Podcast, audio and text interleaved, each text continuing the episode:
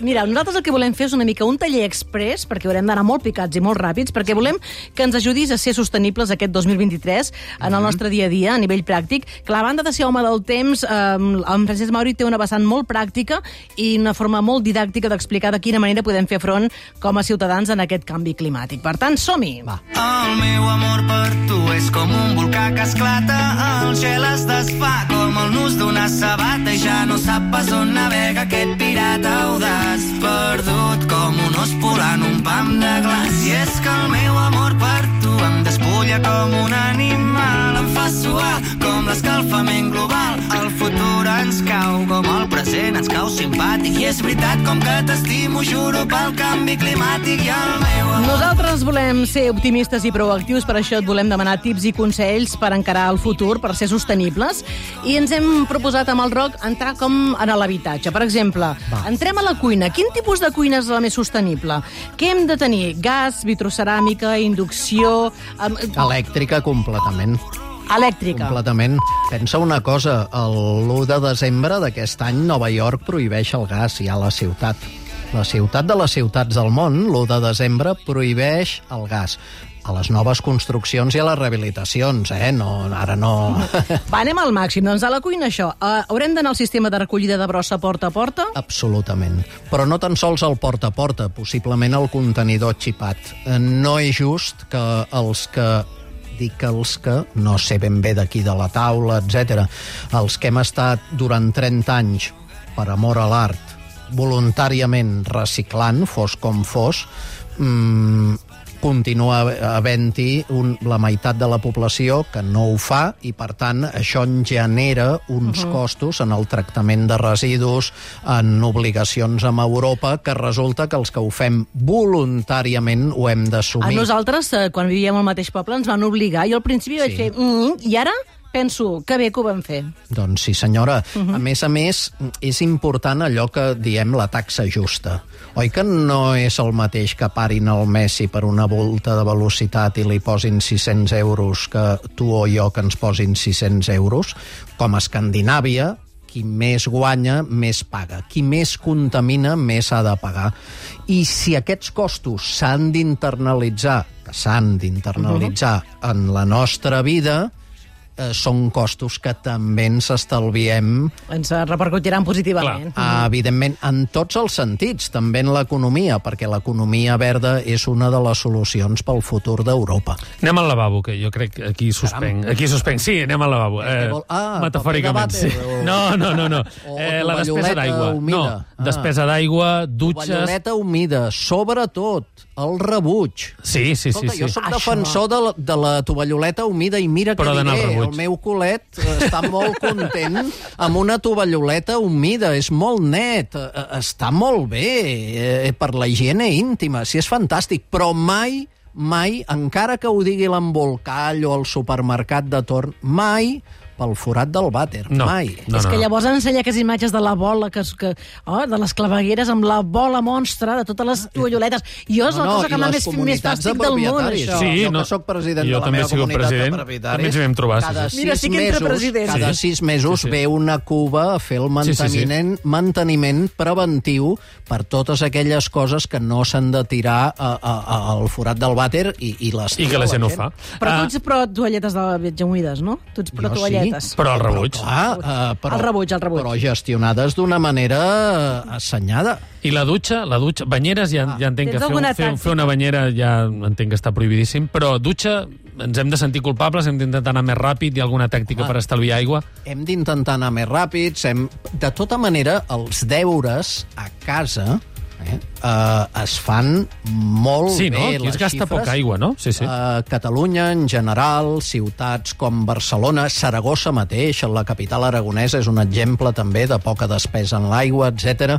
Eh, es fan els deures. El que passa és que no puc entendre, i això jo ho he expressat en els que manen, eh, com pot ser que el referent de l'aprofitament de l'aigua eh, a la, als lavabos i habitacions dels hotels hotels, sigui a Catalunya només un hotel des dels anys 90, que és l'hotel Samba de Lloret de Mar, des del qual aquí felicito Doncs si enormement. ho fan bé.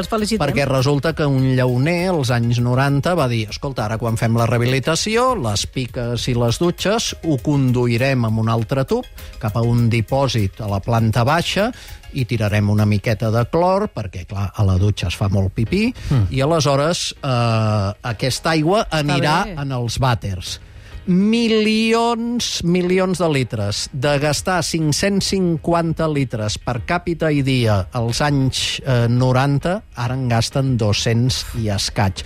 Per què això no Perquè no s'obliga a fer-ho així, sí, sí. hotels? Que, escolta, que no és un problema econòmic. Quan es fa una rehabilitació és un estalvi. És pensar-hi. El tema jardí gespa, des que desaparegui la gespa, Ai, Déu. Uh, la posem artificial tots? Bé, no tan sols artificial, hi ha una pila, no cal gespa, hi ha una pila de plantes mediterrànies amb unes floracions espectaculars. Cal eh, deixar el jardí en mans d'especialistes o assessorar-se, si un s'ho vol Que fer siguin autòctones, no? Clar. siguin autòctones, sempre que es pugui el rec eh, gota a gota, etc Mhm. etc i aprofitaments cada cop més. Això s'hauria d'anar introduint perquè el règim de pluja s'està canviant, l'evaporació està canviant, l'arribada d'aigua als cursos fluvials està canviant i, evidentment, l'aprofitament Mhm. de, de, dels dipòsits d'aigua, l'impluvium dels romans, això hauria de tornar. ara estic pensant que queden tres punts, però són els plats forts i, no, Va. i anem fatal de temps. Va. No, no, però, Telegràfic. Mariola, no li miris com si fos culpa d'ell. No, perquè... és que m'enrotllo molt. No, és que ara li trauré dos temes que ell és un apassionat, Ai. però el Meteo Mauri no ha parlat moltes vegades. Cotxe elèctric, és el teu tema. Aviam, sí. Uh, la, la, sí. Mm, jo, jo sé que quan dic això del cotxe elèctric, bueno, hi ha gent...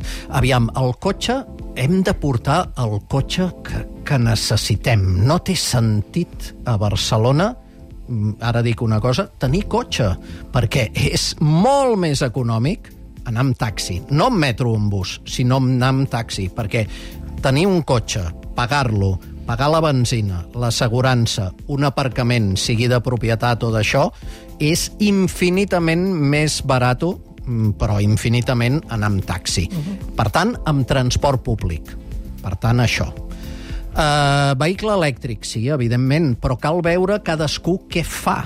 Què I fa. també estem preparats, hi ha prous punts per tenir cotxe elèctric, tu dius que sí. Actualment sí, Sí, oi? absolutament. Si fa 9 anys que el porto jo, amb 40.000 quilòmetres a l'any que faig, sí que és veritat que fa 5 o 6 anys jo era un sacrificat.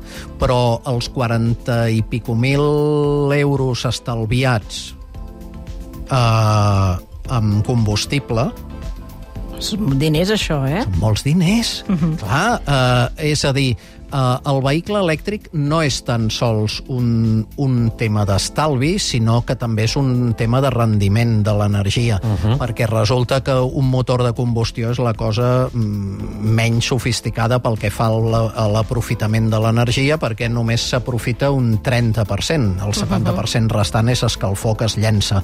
Motor elèctric és el 95%. Però la, la gent que ara diu és que encara no està preparat, jo em, em compro un híbrid millor i ja esperaré que l'elèctric... Des del creus- meu punt de vista és un error, És un error. gran i ho estan fent algunes administracions.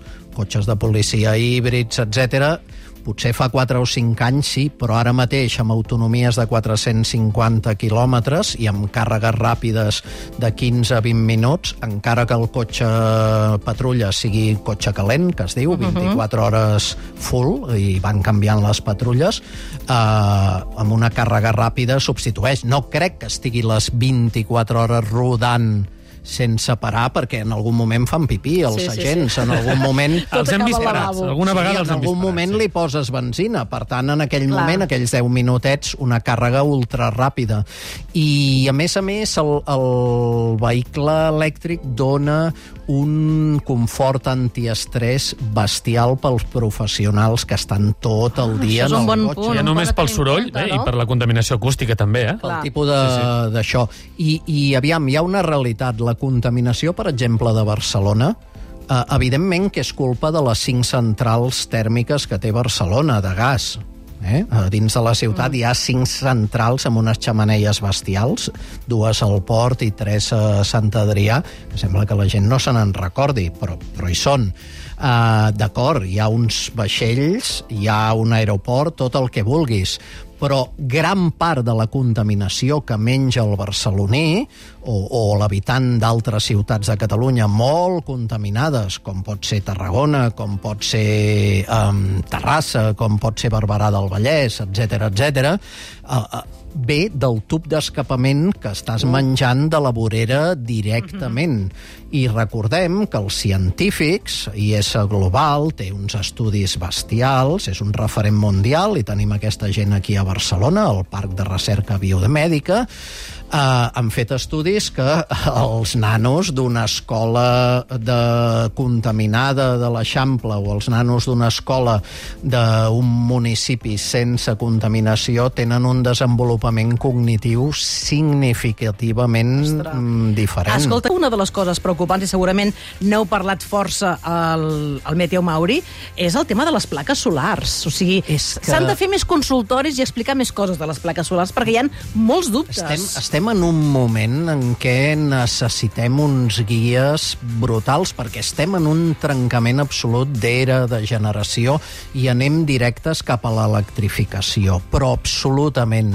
I les plaques solars són un complement que, a més a més, dia a dia, dia a dia, eh, es revolucionen tecnològicament. Ja hi ha unes noves plaques solars des de fa pocs dies que augmenten pràcticament la potència dels panells un 50%, de 400 a 600 watts, etc. Bé, sigui com sigui, sigui com sigui, eh, informeu-vos i molt, perquè només amb els ajuts, només triguen eh, els ajuts, ja ho sabem... La burocràcia, molts, tot això, però que- vulguis, que és però important. Només amb els ajuts, amb les exempcions fiscals, amb les desgravacions fiscals, són inversions que si t'arriben els no? ajuts amb rehabilitació, per exemple, energètica a les vivendes, no eh, estan gravats. Si tu et compres un cotxe elèctric i et donen 7.000 pel Moves, ho has de declarar.